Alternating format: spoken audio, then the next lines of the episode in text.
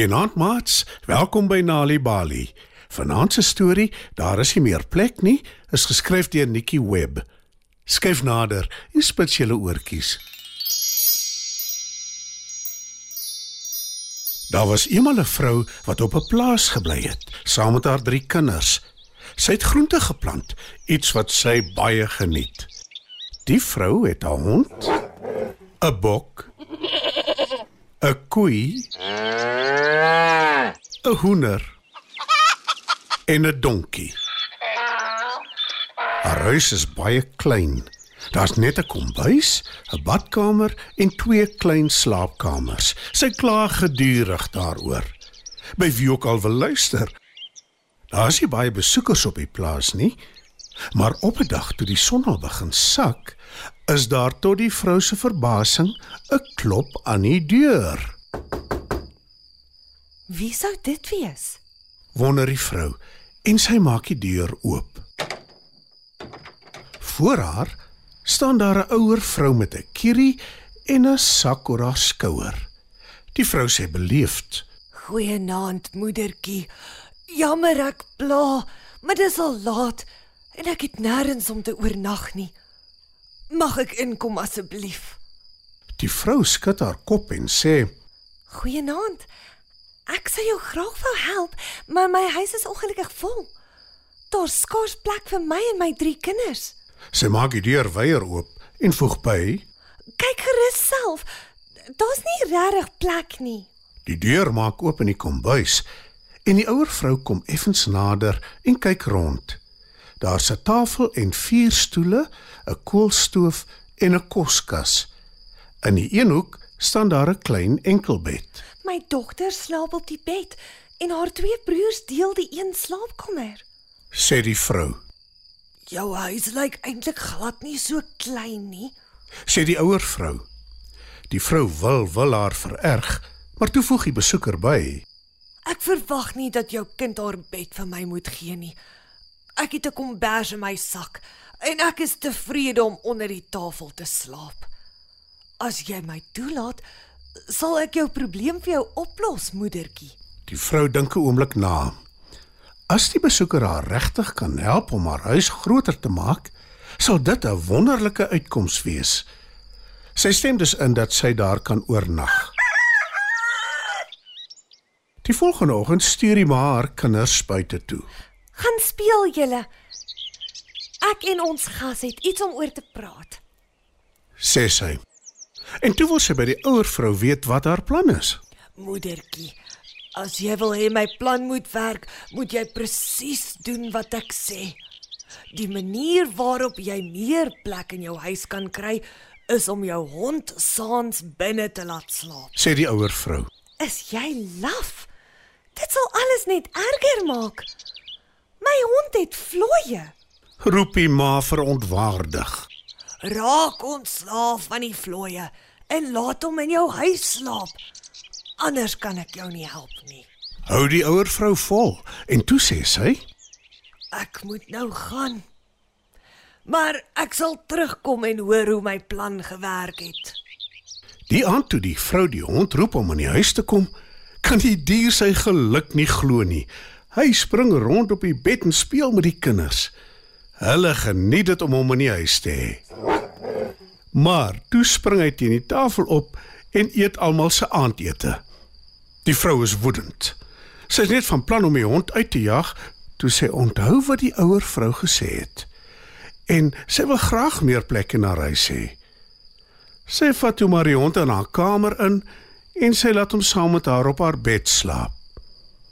Dit gaan so aan totdat die ouer vrou die volgende keer weer kom kuier. Ek is bly jy het gemaak soos ek sê. Nou moet jy jou bok ook in jou huis laat slaap saans. Sê sy. Die bok? Nee. Ek kan nie. Het jy al geruik hoe sleg ruik die dier? Sê die ma en trek 'n vies gesig. Die ouer vrou kyk streng na haar en herinner haar weer. As jy dit nie doen nie, kan ek jou nie help nie. Nou goed dan. Stem die vrou in. Die ouer vrou vertrek en die vrou besluit om die bok te was voordat sy haar in die huis toelaat.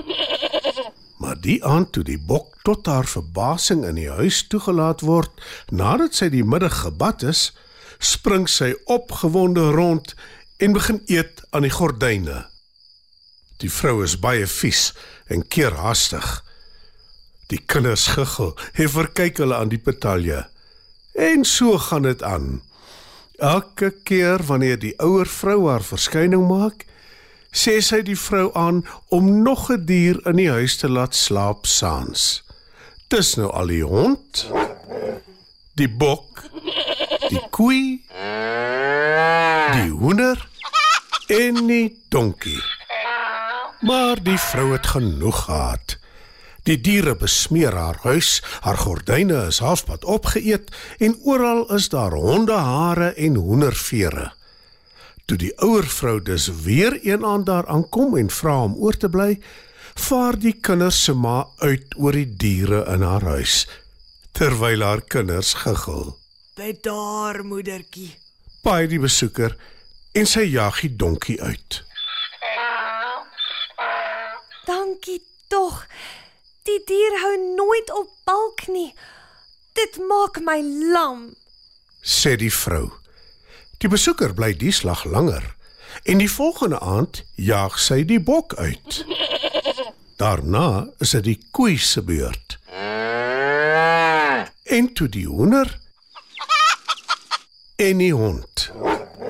Die kinders se ma is so verlig dat daar nie meer diere in haar huis is nie, dat sy skoon vergeet om haar besoeker te herinner aan haar beloofde plan om die huis groter te maak.